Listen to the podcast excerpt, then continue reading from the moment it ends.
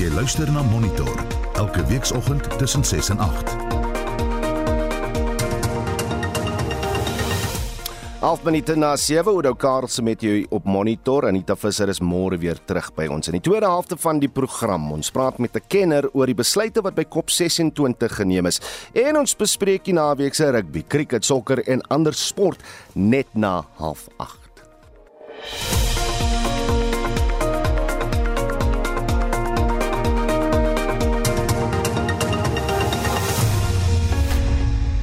Er die afgelope COP26 klimaatsberaad in Glasgow het 'n spesifieke plan om die gebruik van steenkool te verminder. Ons praat nou met professor professor François Engelbrecht van die Wits Universiteit se Global Change Institute. Uh, François, goeiemôre, welkom terug by Monitor. Môre eerder baie dankie môre aan die luisteraars. China en uh, India het uh, dit wel reg gekry om die woord in die oor ooreenkomsdokument oor die gebruik van fossiel brandstof en steenkool van uitfaseer tot afskaal te verander. Wat is die betekenis hiervan in die klimaatsverandering internasionale politiek? Dit is spesifiek India wat verantwoordelik was vir hierdie verswakking in die ooreenkomste taal gebruik. So wat hier gebeur het is dat die ooreenkoms het aanvanklik beplan uh, om 'n stelling te maak waarin al die lande ooreenkom om die gebruik van steenkool wêreldwyd te stop. Natuurlik oor 'n periode van omtrent 20 jaar omtrent 40 lande het aan die begin van die ooreenkomste ook uh, aan die begin van die onderhandelinge ook voortgegaan om ooreenkomste te bereik waarin hierdie 40 lande onderneem het om steenkool uit te faseer in die 2030 en 2040. Maar wat hier aan die einde van die ooreenkoms gebeur het is dat hierdie stelling wat in die ooreenkoms bestaan het, naamlik dat steenkool uitgefaseer moet word, toe eerstens verswak is tot 'n stelling dat die gebruik van die onbeperkte gebruik van steenkool hmm. moet uitgefaseer word en toe na verdere ehm um, versoek van India is die is die tog baie verder verswak naamlik dat die ehm um, dat die gebruik van onbeperkte steenkool nou afgeskaal moet word. So dit is natuurlik nie goed genoeg as dit kom by wat nodig is om gevaarlike globale verwarming te bekamp nie. Hmm, hmm. Watter ander gebeure by die afgelope beraad het jou opgeval as moontlike oorwinnings? Ja, ook in die eerste week van die beraad was daar die aankondiging dat uh, lande wat 85% van die wêreld se woude be, be, be, bestuur, sowel in die trope as in die hoë breedtegrade, het ooreengekom om ontbossing te beëindig teen 2030. Dit is natuurlik 'n ongelooflike groot deurbraak. Dit is nog steeds uh, ontbossing is nog steeds verantwoordelik vir omtrent 10% van die wêreld se koolstofdioksied emissies. En daar was ook van die ryker lande wat alreeds 20 miljard Amerikaanse dollar beskikbaar gestel het om die ontwikkelende lande wat groot woude bestuur soos byvoorbeeld Indonesië en Brasilia te help om hierdie ontbossingsproses te einde te bring. So dit was baie positief. En tweedens was daar ook 'n groter inkoms omtrent 40 lande het onderneem om metaan emissies met 30% te verminder teen 2030. Nou metaan is ook 'n belangrike kweekhuisgas, die tweede belangrikste een na koolstofdioksied. So dit is ook 'n baie belangrike ooreenkoms wat bereik is. Hoe hoe het Glasgow verskil van die vorige klimaatsveranderingsklimaat uh beraad in in Parys? Ja, hierdie is 26 jaar natuurlik van onderhandelinge wat ons nou nog gekyk het en die een belangrike verskil is dat daar vir die eerste keer wel 'n stelling is wat sê die gebruik van steenkool moet afgeskaal word. So dis belangrik, al is dit nou 'n swakker stelling as wat die wetenskap sê ons moet hê. Maar andersins was die groot verskil dat hierdie die ooreenkoms was dat die Parys ooreenkoms oor klimaatsverandering moes implementeer. So ons moes allerlei konkrete stappe en ooreenkomste sien uit hierdie ooreenkoms wat nou gaan daartoe lei dat die gebruik van kweekhuisgasse drasties afgeskaal word. So as die implementeringskonferensie van die Parys-ooreenkoms oor klimaatsverandering was dit was dit dus ongelukkig net deels suksesvol soos ons nou bespreek het. Die, VN se sekretaris-generaal Antonio Guterres is is wel bekommerd dat die 2013 doelwit dat die wêreld se aardverwarmingstemperatuur tot 1.5 grade Celsius beperk word relatief tot uh, voornywerheidsvlakke nie gaan gebeur nie. Stem jy daarmee saam? Ja, hy is ongelukkig heeltemal reg. Want as ons nou kyk na die verbintenisse wat uiteindelik gemaak is nasie vir nasie wat verteenwoordig was by hierdie beraad, dan verbind hierdie stellings wat die lande gemaak het ons nog steeds tot globale verwarming van in die omgewing van 2.5 grade Celsius teen die einde van die eeu. En dit is heeltemal te hoog. Die gevaarlike vlak is omtrent 1.5 grade Celsius tot 2 grade Celsius. Dit is waar die wegsmelt van die groot ysplate moontlik onomkeerbaar kan begin plaasvind. En dit is ook die vlak van globale verwarming waar ons hier in Suider-Afrika al meer langdurige droogtes gaan ervaar. Hmm. En groter hittegolwe as wat ons nog ooit van tevore deurgeleef het.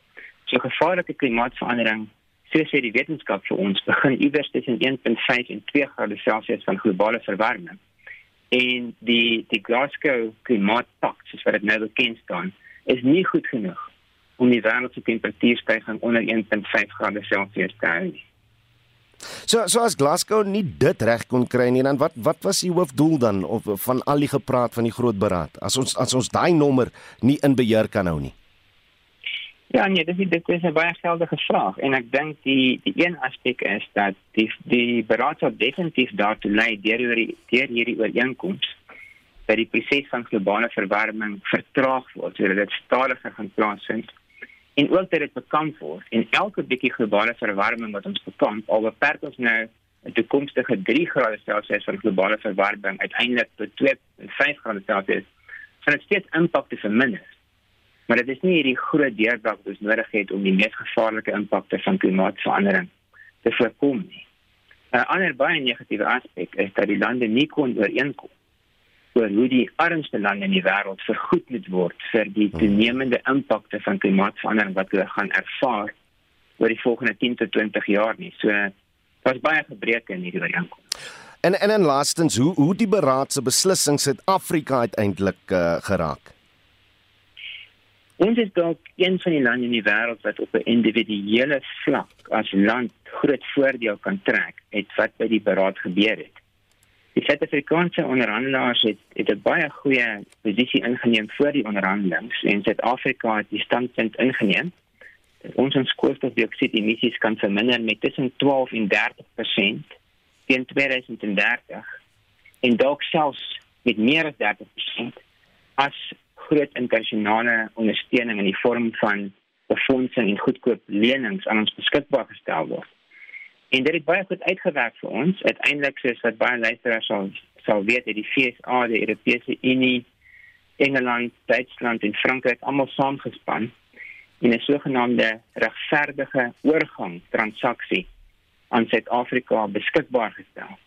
Nou dit beteken 8.5 biljoen Amerikaanse dollars oor omtrent 5 jaar om die oorgang na hernubare energie in Suid-Afrika momentum te gee en ook om ons sogenaamde klimaataanpassingsprojekte te laat uitrol wat ons minder kwesbaar maak vir klimaatsveranderingsimpakte. So ek hoop Suid-Afrika gaan hierdie geleentheid aangryp en 'n sukses daarvan maak. Ons moet verstaan dis 'n toets vir Suid-Afrika. Ons het omtrent 100 keer hierdie bedrag nodig om ons oorgang te maak na hernubare energie, wat ons uit ekonomiese groei moet kry en uit verdere investering. As ons 'n sukses hiervan kan maak, gaan ons verdere beleggings kan kry in die internasionale gemeenskap. Maar as die befondsing nie goed en deursigtig bestuur word nie, is daar baie ander ontwikkelende lande wat in die tou gaan staan om om hierdie tipe befondsing te ontvang eerder as wat dit in Suid-Afrika se kant toe kom. Ja, François, ons hoor jou. Ons hoop dat die regering jou ook hoor. Uh professor François Engelbrecht is van die Wits uh, Universiteit se Global Change Institute. 20 minute oor 7. En uh die FW de Klerk Stichting sê 'n private verassing en begrafnis is vir die voormalige president uh Sondag. Dit sal uh, eerskomende Sondag gehou word. De Klerk is donderdag by sy huis in Kaapstad op die ouderdom van 85 oorlede en die stigting het nie besonderhede verskaf nie, maar sê dit is 'n private seremonie en die media sal nie toegelaat word nie. De Klerk was een van vier Suid-Afrikaners wat al die Nobelprys vir vrede ontvang het. Uh, de Klerk het die prys in 1993 saam met wyle oud-president Nelson Mandela gedeel omdat hulle apartheid beëindig het en 'n nuwe Suid-Afrika help skep het. Na die eerste demokratiese verkiesing 1994 het de Klerk Mandela se adjunk geword, maar hulle onstuimige verhouding het hom die regering van nasionale eenheid laat verlaat. Tydens die Waarheid en Versoeningskommissie het de Klerk vir die pyn en lyding van apartheid verskoning aangeteken, maar baie het gevoel dat dit nie genoeg was nie. Angie Kapelianus uh, en voormalige vorige kollega jammer, John Pullman, het die volgende profiel van de Klerk saamgestel. The Nobel Peace Prize for 1993 is awarded to Nelson Mandela and Frederick Willem de Klerk for their work for the peaceful termination of the apartheid regime and for laying the foundations for a new democratic South Africa. By looking ahead to South African reconciliation instead of back at the deep wounds of the past, they have shown personal integrity and great political courage. Alhoewel die Nobelpryskomitee die rol van beide de Klerk en Mandela in die aftakkeling van apartheid erken het, was die twee mans op tuisfront politieke teenstanders tydens die 1994 verkiesing wat met die naderkom van die April kiesdatum al hoe meer intens geraak het. Net 10 dae voordat Suid-Afrikaners wat reeds soveel beleef het, hul krisis gaan trek het, moes hulle toe kyk hoe die twee Nobel Vredespryswenners mekaar in 'n TV-debat aanvat. As the world focuses on South Africa, we bring you the debate Mandela and de Klerk face to face. A crucial event in the run up to South Africa's first all race elections. Live from Johannesburg at the Civic Theatre. Your moderator is Rick Robinson. Well, good evening and welcome to the Civic Theatre in Johannesburg for this historic debate between two South African leaders of international stature. Heel aan die begin van die debat het beide mans gefokus op wat hulle onderskeie partye die Suid-Afrikaanse kiezer kon bied. The years of apartheid are over. A new beginning awaits a new South Africa. Your vote will decide whether that new beginning is a good one or a bad one. It will be a good new beginning if the result of the election achieves a balance of power between the two main contenders, the National Party and the ANC. If any one party gets too much power, it will be a bad beginning. Bad also for all South Africans. Maar dit was nie lank voordat die politieke feeshoue begin reën het nie. We have a good housing plan on the table which will achieve all those results I care for all South Africans irrespective of their race or color. But let me say Mr Mandela my comments were not the comments of a man who is less than candid.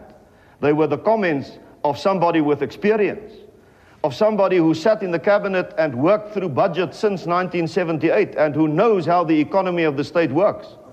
And there is no, it wasn't apartheid. We abolished apartheid. We made the country free.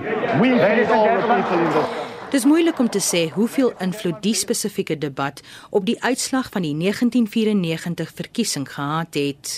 De Klerk was egter sy plek seker in die regering van nasionale eenheid nadat die NP tweede gekom het. De Klerk was nou adjunk president en versoening die modieuse gonswoord.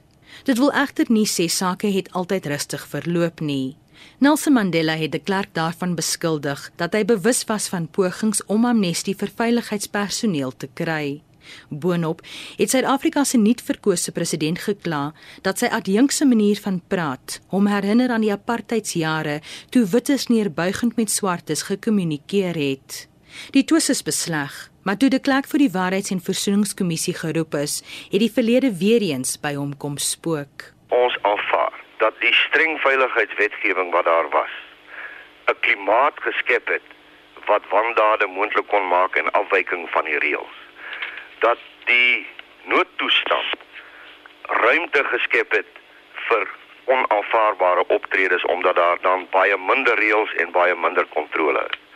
Het ek gesê dat uh, die klandestiene optredes en die spesiale onkonvensionele metodes wat ons verplig was om aan te wend, ook daardie ruimte geskep het. Ek het dus gesê wat almal sê ek moet sê, maar dit is asof hulle nie hoor dat ek dit gesê het. De Klerk het later moedeloos geraak dat niks wat hy doen sy kritisie sou stilmaak nie. 'n Mens kry die indruk dat hulle wil hê ek moet sê ons het gesit en beplan en gesê ons gee magtiging, ons gee lisensie om te moor, ons gee lisensie vir sluipmoord, ons gee lisensie vir marteling. Dit is nie waar nie. U sien, die ANC moet aansoek doen vir amnestie want hulle Hulle erken hulle het dit beplan. In ons geval was daar altyd reëls wat behoort te geld tydens tydens ook sulke onkonvensionele optredes. Later het de Klerk self 'n paar klippe na sy WVK ondervraas begin gooi. Wanneer 'n mens 'n produk skep en daardie produk doen nie wat die wet sê hy moet doen nie.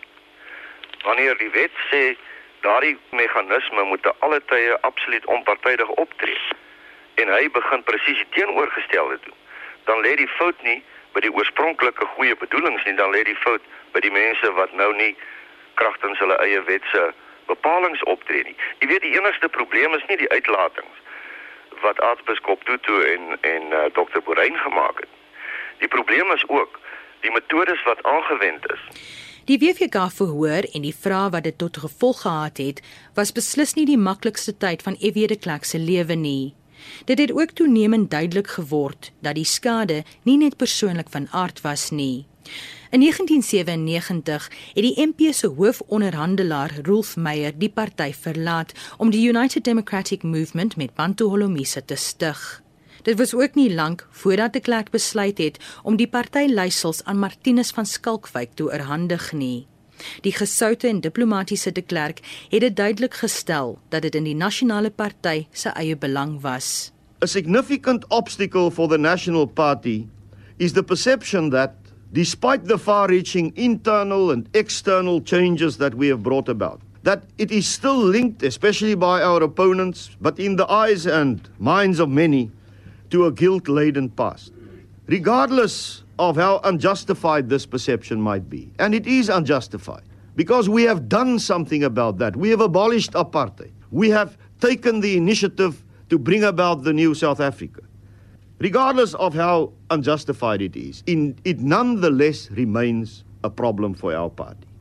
And with my retirement, I wish to open a door for the National Party, to provide further proof of dynamic break with the past, with a view to best enabling it to play its full role in the realignment process. De Klerk se onttrekking uit die partytetiek was 'n beslissende een. Agter die skerms het hy wel nog raad gegee. Toe die oud-president en gewese partyleier weer in die kollig verskyn het, was dit vir 'n pynlike en persoonlike rede, die moord op sy voormalige vrou, Marika de Klerk. It is my sincere hope that this dastardly deed will once again act as a wake-up call to all of us in South Africa that we must bring crime we must get a grip on the crime situation. We are being, as a country, damaged by every murder. No one murder is more serious than the other. The one on my former wife Marika, however, has made headlines across the world because of the political profile the role that I and she, as First Lady at that stage, played in the tremendous changes which came about in South Africa. And the message from that, that in an own home, a woman like her would be murdered, I think sends out such a negative, damaging message. Miskien 'n negatiewe boodskap maar de Klerk self het 'n positiewe boodskap uitgestuur aan die wêreld, een van versoening en optimisme oor 'n splinternuwe Suid-Afrika met 'n demokratiese bedeling wat hy self help teweeggebring het.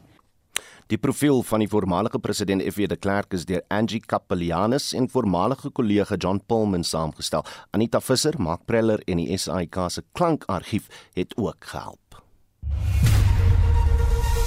Jy luister na Monitor elke weekoggend tussen 6 en 8.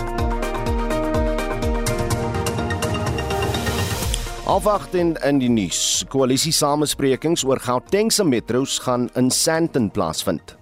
Wateronderbrekings kom van vandag af in dele van Gauteng voor en Muammar Gaddafi se seun gaan as presidentskandidaat staan in die Libiese verkiesing.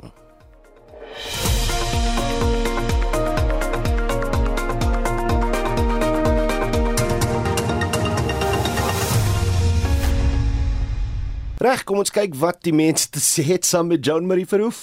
Navorsing toon dat die helfte van volwassenes met diabetes nie eens weet dat hulle dit onderlede het nie en ons wil vanoggend by jou weet, hoe het jy agtergekom dat jy of een van jou geliefdes aan diabetes ly? Watter simptome het jy getoon en wat doen jy om die siekte te bestuur? Kom ons luister nou wat van julle op die WhatsApp lyn met ons deel. Hoe ek diabetes gepyp kan is deur oefening te doen, die regte voedsel te eet en nie te eet waarvan ek hou nie. Soos kool, groente, you name it soos die Engelsman sê. En dit is die geheim tot jou gesondheid. Eet reg en oefening. Ek sal nie glo hoe was ek gediagnoseer nie. Ek was gereeld gepla met my ore dat jak en dit sweer. Ek werk vir dokters en toe daar aflos dokter, ouerige dokter. Toe begin my ore weer en ek sê vir my, moet gou kyk aan my ore want is 'n probleem nou al wat jare aankom. En weet jy, hy vra vir my, "Was jou suiker al getoets?" Ek sê, "Nee." Hy sê, "Gewoonlik is dit ook 'n simptoom en toe hy my suiker toets, sit skaai hy." Maar ek uh, my suikervlak bly onder 7, so 7, 8 eet gesond, drink maar my medikasie, maar dit is die manier hoe die dokters nou uitgevind het ek is 'n diabetes. Baie belangrike gesprek wat julle vanoggend het. My ma was 25 jaar, was sy 'n diabetes. Sy 2 dae voor haar sterfte en sy het dit uitgevind. En dit is vir my baie tragies geweest. So, ek hoop die mense wat aan diabetes ly, besef dit of kom dit vinniger agter as wat dit regplag is. Want dit is tragies. Ja, baie interessant. Ek hoor die juk wat kom van uh suiker siekte is maar baie erg, hoor. Ja, daar's nog 'n paar SMS'e ook. Rensha skryf ek het aan mekaar hoofpyn gehad vir seker 3 of 4 jaar. Die dokter het my toegestuur vir glikose toleransie toets wat uitlig dat ek 'n diabetes leier is. Ek glo die regte dieet en oefening is van kardinale belang om dit te beheer. En dan nog iemand op Facebook Petro skryf ek was by die dokter gewees oor 'n rugbesering, maar oor my familiegeskiedenis het hy besluit om 'n klomp toetse te doen en diabetes was ongelukkig positief. Net gesonde gebalanseerde dieet met insulien en matige oefening help regtig om die suiker te beheer. Maar Kumra skryf om die siekte te bestuur is nie so maklik nie. Medikasie is onbekostigbaar duur en die staatsklinieke het meestal nie al die medikasie wat mens benodig elke maand nie. Nou ja, praat saam ek's net voor 8 terug vir 'n laaste ronde terugvoer.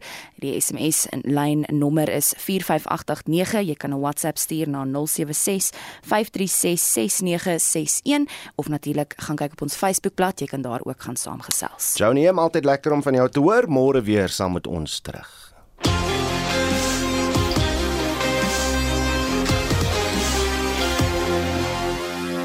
Ja, 7:36 en uh, ek het nou gesê Joni's môre weer terug. Sy is eintlik voor die einde van die program weer terug. Jammer. Ons leer nog, ons leer nog. Joni baie dankie. Nou die naweek se sport is afgehandel en Pieter van den Berg het al die uitslae. Pieter, môre. Môre sê Udo. Ons het Vrydag so 'n bietjie oor Bafana Bafana gepraat en hulle het nou hulle wêreldbeker kwalifikasiewedstryd gister teen Ghana gehad. Was die strafdoel wat aan Ghana toegeken is eintlik 'n strafdoel? Weet jy daar's baie mense wat verskillende menings daaroor het maar ek moet vir jou sê ons het donderdag van Zimbabwe met 1-0 geklop. Ons was toe 3 punte voor ons teenstanders in groep G. Maar nou ja gisteraand het Suid-Afrika oor daardie laaste hekkie gestruikel. Ghana het ons met 1-0 getrou soos jy sê 'n strafdoel van Ghana gewees. En daarmee dan Ghana dan weer na aanstaande jaar se 2022 wêreldbeker kwalifikasie. Die rede daarvoor is dat beide spanne was op 13 punte, maar Ghana het meer doele as Bafana aangeteken 17 oor 6 in, in daardie klompie wedstryde wat gespeel was. Dan gister ook in Europa se wêreldbeker kwalifikasie was daar 'n uh, uh, Servië goeie oorwinning oor Portugal 2-1, dan het Spanje vir Swede geklop met 1-0 en Griekeland en Kosovo, hulle het gelykop gespeel met 1 doel elk. Nou ek vir alles baie bly dat die T20 Wêreldbeker nou 'n bietjie klaar is want nou kan ek deur die uh, loop van die dag nog 'n bietjie slaap. Uh, maar hy's gister beslis. Eerstens, Kane Williamson met hy 80 was fantasties, maar hoe goed was David Warner en Mitchell Marsh in in hulle beurt? Mm, Ja, die Aussies daardie vennootskap was ongelooflik. Kom ons gaan die storie by gister uh 4 uur Suid-Afrikaanse tyd wat uh, daardie wedstryd in Dubai begin het. Nou die Aussies het die lood gewen en hulle het Nieu-Seeland laat kolf en Nieu-Seeland soos jy sê, Kane Williamson 85 van 48 balle 10 4 3 6 en hy teken dit uh aan uh, dis nou Kane Williamson as kaptein 85 en uh, hulle eindig dan op 172 vir 4. Josh Hazelwood, hy was uitstekend met die bal in 4 balbeurte net 16 lopies afgestaan, maar hy kry 3 paaltjies. Dan Australië, ek dink uh, Udo, die wenresep was hulle het van die begin af die lopies laat vloei. Hulle was deurentyd voor die verlangde looptempo en is Mitchell Marsh wat uh, op 70 nie uit nie geëindig het en so die saam met 100 daardie vennootskap van hulle om die derde paaltjie was briljant, maar uh, Mitchell Marsh 70 van 50 balle 6 4 en 4 6 wat dit ingesluit het. En dit het die Aussies toe op die wenpad uh, pad geplaas. Hy is ook as speler van die wedstryd aangewys en Australië eindig dan op 173 vir 2. Hulle wen met 8 paaltjies met 7 balle oor. En jy het ook van David Warner gepraat natuurlik Oudo. Hy is as speler van die toernooi aangewys 289 lopies wat hy bygedra het tydens die toernooi. Kan kan ons hom net bietjie uitsonder want twee maande terug kon hy nie eers die 11taal van die Sunrisers Hyderabad haal nie en hier is hy nou die speler van die wedstryd by die Wêreldbeker. Het, het, het, Ja. is dit nou genoeg dat ons hom nou vergewe vir Sandpiper Gate?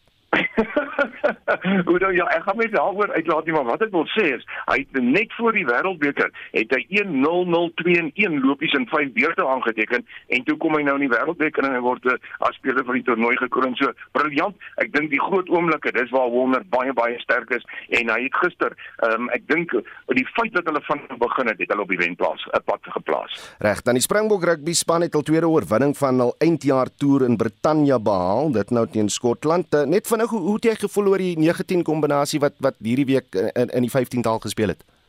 Ja, ek dink die uh, Jantjies 9 of nee, kom ons sê uh, ja, Jantjies 9 was nie so goed soos Jantjies 10 nie, maar uh, nee, hy het beslis in die eerste helfte gesukkel. Ehm um, Elton Jantjies het uh, baie goed gespeel. Hy is al nie so goed nie en uh, ek moet sê dat ons moet in ag neem dat Skotland was 10-8 voor teen rustyd en uh, nou ja, maar Makazola Mampimpi het gelukkig weer twee keer gaan druk in die tweede helfte. Hy is as speler van die wedstryd, nee, verskoning, Eben Etzebeth as 'n speler van die wedstryd aangewys en hy was deurentyd briljant. Die voorspelers het oorheers en ehm um, ek dink ons moet dan vir mekaar sê die laaste klompie wedstryde lyk dit so van die bokke het so 'n uh, tendens dat hulle in die tweede helfte uh, die oorhand kry oor hulle teenstanders. Maar ja Elton Jantjies goed met die skopskoen. Andre Pollard en Frans Steyn ook strafdoele behaal en daardie eindtelling dan Oudo 30-15 in die guns van Suid-Afrika en dan komende Saterdag speel hulle teen Engeland en gepraat van Engeland hulle het Australië die naweek met 32-15 getroof.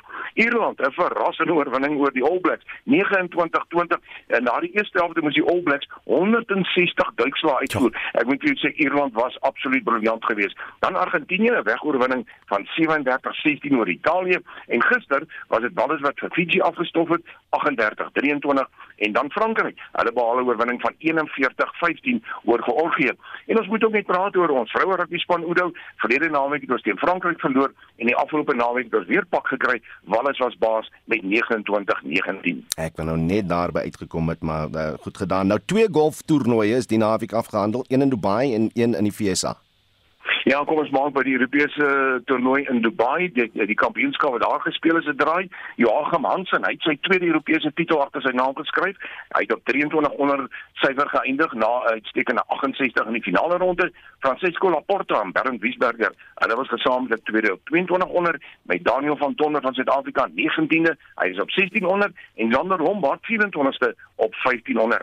En dan op die Amerikaanse toer is die Houston Open gespeel. Jason Kokrak, hy steef hier daar met 2 houe na 65 in die laaste ronde en hy was op 10 onder vir die toernooi dan. Uh, Kevin Tway, uh, hy was op 8 onder saam met Scotty Scheffler en dan Dylan Fratelli, die besgeplaaste Suid-Afrikaner. Hoewel hy was 19de en hy, hy het op 2 onder geëindig. En dan Valentino Rossi het gister 10de in sy heel laaste motorfiets uh, wedren geëindig. Wie was dan die wenner gewees, uh, Pieter?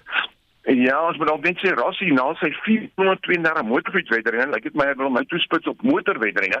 So maar in elk geval Francesco Bagnaia op sy Ducati, hy het uh, daar geseef hier met ehm um, um, dis Jorge Martin wat tweede was en Suid-Afrika se Brad Binder, hy het sewende oor die eindstreep gejaag. Nou van jaar se titel is natuurlik gewen deur Fabio Quartararo met Brad Binder wat dan 6de eindig in van jaar se kompetisie. En dan in Moto3 het Suid-Afrika se Darren Binder op sy Honda die seisoen afgesluit in die sewende plek. Dan beweeg ons na Formule 1 renspanne wat daar in Brasilië draai gemaak het in Sao Paulo vir die Brasiliaanse Grand Prix. Op die wegspringrooster was Valtteri Bottas daar in Mercedes eerste met Max Verstappen tweede en Lewis Hamilton kan nie glo hoe hy 10de weggespring maar nie hy was meesterlik met 12 rondes oor uh, het hy die voortou geneem en hy wen dan daardie wedren 10 sekondes voor Max Verstappen met uh, Bottas daar in die derde plek. In die bestuurderskampioenskap met nou dink 3 4 wedrenne oor Max Verstappen hy is op 232 net 14 punte voor Lewis Hamilton in die Mercedes. En dan op die tennisbaan is alle oë op die jaareindfinale vir die mans sowel as uh, vroue spelers. Ja, die ATP mansfinale word in Italië gespeel en Daniel Medvedev die tweede keer uit afgereken met Hubert Hurkacz. Dit was 'n drie stelle gewees. Dan sien ek Alexander Zverev. Hy het 'n uh, oorwinning oor Matteo Berrettini behaal. Berrettini moes die handdoek ingooi in die tweede stel nadat hy beseer is. En dan in vroue tennis is die WTA finale wat uh, ook gespeel word. Uh, Paula Badoza sy die topgekeerde Arina uh, Sabalenka met 6-4 en 6 stroop getroof.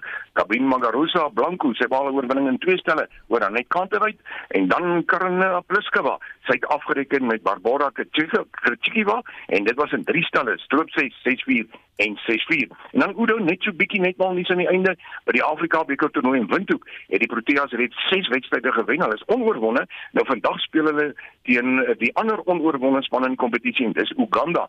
En Etienne Nurik sal vanmiddag in RSG Sport terug wees met heelwat meer sportnuus en ook uitslae. Ons sien uit daarna. Pieter van den Burg van RSG Sport.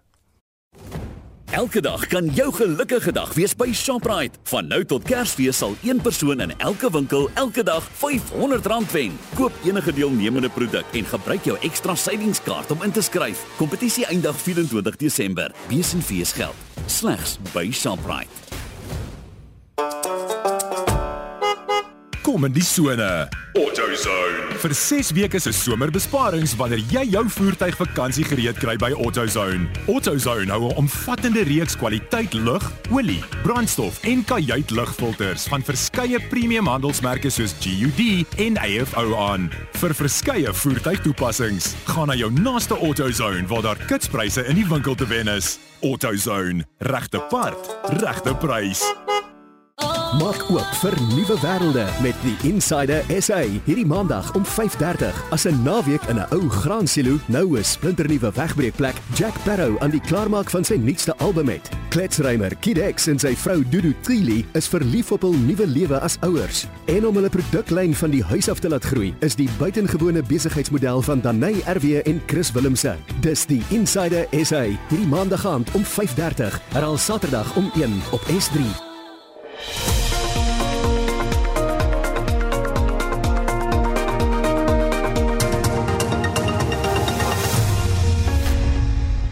7:45 hier op monitor en uh, Justin Kennerly staan nou uh, gereed met die jongste wêreldnuus. Justin, goeiemôre. Ek sien Oostenryk stel streng inperkingsmaatreëls in teen sowat 2 miljoen mense wat nie ten volle teen COVID-19 ingeënt is nie. Uh, goeiemôre Udo. Ja, die maatreëls word beskou as 'n poging om 'n opswaai in infeksies in die land te bekamp. Oostenryk se kanselier Alexander Schallenberg sê die land se uh, inentingskoers is een van die laagste koerse in Wes-Europa. Ich muss ganz offen sagen, wir setzen diesen Schritt. I must say very openly, we are not taking this step lightly. But unfortunately, it's necessary. We are also clear that this is the lower end of the measures. Nou die maatreëls tree vandag in werking. Mense is aanvanklik verbied om restaurante, haarkappers en rolprentteaters te besoek. Nou mag mense bo die ouderdom van 12 jaar wat nie ingeënt is nie of onlangs COVID-19 opgedoen het, slegs hul huise verlaat vir noodsaaklike redes, soos vir werk, om kos te koop of te oefen. Die regering sê die polisie sal mense in openbare ruimtes monitor en sal hulle selfs stop en vra om na hul inentingssertifikate te kyk. Nou sowat 65% van die Oostenrykse bevolking is ten volle ingeënt. Ja, sal maar moet sien wat hier in Suid-Afrika uh, Suid-Afrika gaan gebeur. Maar Argentinië se regerende Peroniste party verloor sy meerderheid in die parlement. Ja, die uitslag van gister se parlementêre verkiesing word deur baie mense as 'n referendum beskou oor president Alberto Fernandez se eerste 2 jaar in die pos. Die regerende party het vir die eerste keer in 40 jaar sy meerderheidsposisie verloor. Die konservatiewe oppositie wat 2 jaar gelede erg verslaan is in 'n presidentsiële verkiesing, het byna al die sleutelsetels gewen. Die BBC se Veronica Swink berig vanuit Argentinië. The center left governing coalition, headed by Fernandez and Vice President Cristina Kirchner, lost by 10 points to its main opponents, former President Mauricio Macri's center right alliance, which it had removed from power two years earlier.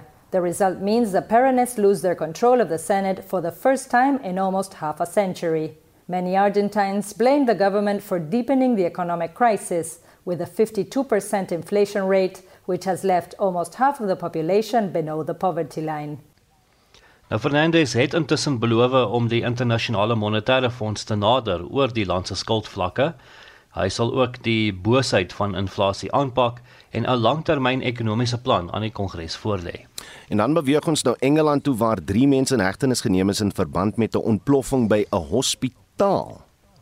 Ja, die Britse polisie sê 3 mans is ingevolge die wet op terrorisme in hegtenis geneem nadat 'n man dood is in 'n motorontploffing buite die Liverpool Vroue Hospitaal. 'n Taxi wat een passasier vervoer het, het laatoggend voor die hospitaal gestop en toe ontplof. Die passasier is op die toneel doodverklaar en moet nog formeel uitgeken word. Die bestuurder is beseer en is in 'n stabiele toestand in die hospitaal. Nou speerders van die teenterreur polisie eenheid sê 3 mans, onderskeidelik 29, 26 en 21 jaar oud, is in die Kensington area van die stad aangekeer. En dan laastens uh, Justin twee Ugandese Ugandiese soldate is in Somalië ter dood veroordeel. Ja, so as vyf Ugandese soldate wat saam met troepe van die Afrika Unie in Somalië ontplooi is, wat skuldig bevind is aan die moord op sewe burgerlikes. Nou twee van die soldate is ter dood veroordeel, veroordeel terwyl die ander 3 'n 39 jaar tronkstraf opgelê is. Nou die moorde het in Augustus plaasgevind tydens 'n skietgeveg in Golwyn tussen die troepe en Al-Shabaab militante. Nou volgens die AI het die soldate op die burgerlikes geskiet tydens 'n patrollie en hulle liggame daarna opgeblaas. Die slagoffers het glo geen bedreiging ingehou vir die soldate nie dit dan Justin Kennerly met vandag se wêreldnuus. Nou, Haldeblyke stroom in nadat dit bekend geword het dat die bekroonde internasionale skrywer Wilbur Smith in Kaapstad gesterf het. Sy vrou Niso was aan sy sy. Die 88-jarige Smith was 'n gebore Zambies Suid-Afrikaanse skrywer wat 'n historiese fiksie eh, wat in historiese fiksie gespesialiseer het. Estie de Klerk doen verslag. Hy word as een van die beste avontuurskrywers in die wêreld beskryf. Wilbur Smith het meer as 120 miljoen kopieë van sy 35 gepubliseerde boeke in 'n magtom tale in sy dekades lange loopbaan verkoop. Sowat 24 miljoen hiervan was in Italië. Sy eerste boek, When the Lion Feeds, was 'n blitsverkoper en is in 1964 gepubliseer. Aanhangers van Smith sê sy dood is 'n groot verlies vir die literêre wêreld. Hier is wat sommige mense te sê gehad het. Sy beskrywing was ongelooflik goed geweest behalwe dat hy 'n storie ingeweef het in sy boeke. Die manier hoe hy ons land beskryf het en ook die res van Afrika beskryf het, dink ek sal vir altyd by my bly, maar sal ook 'n bron van inligting wees altyd vir die res van die wêreld. Ek dink sy karakters was eg Suid-Afrikaans of Suider-Afrikaans. Dit was relevant op 'n plaaslike konteks maar ook universal. Hulde blyke stroom ook in op sosiale media van lesers en medeskrywers wat Smit as 'n epiese skrywer beskryf.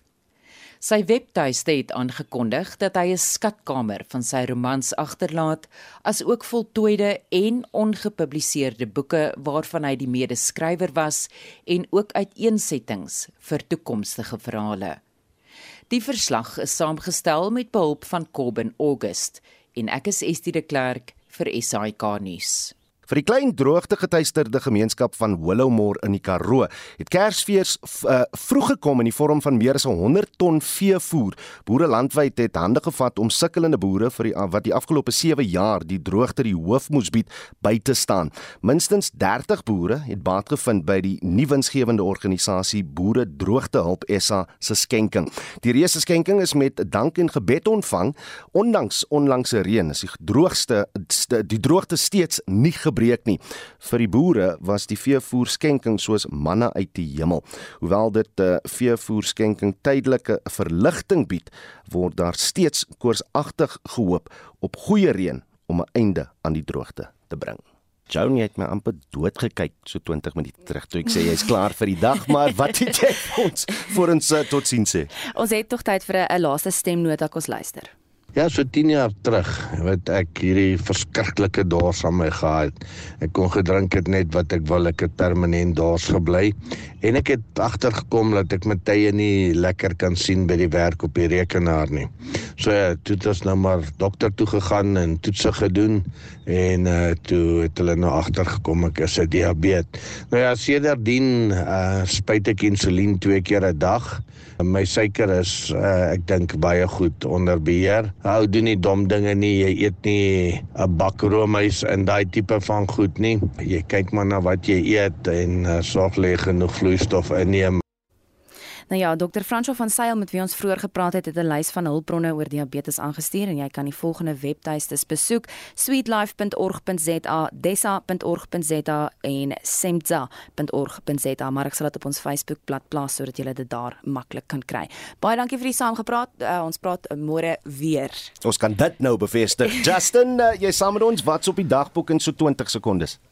Wel die Menseregte Kommissie begin vandag met verhore oor die onrus in Julie.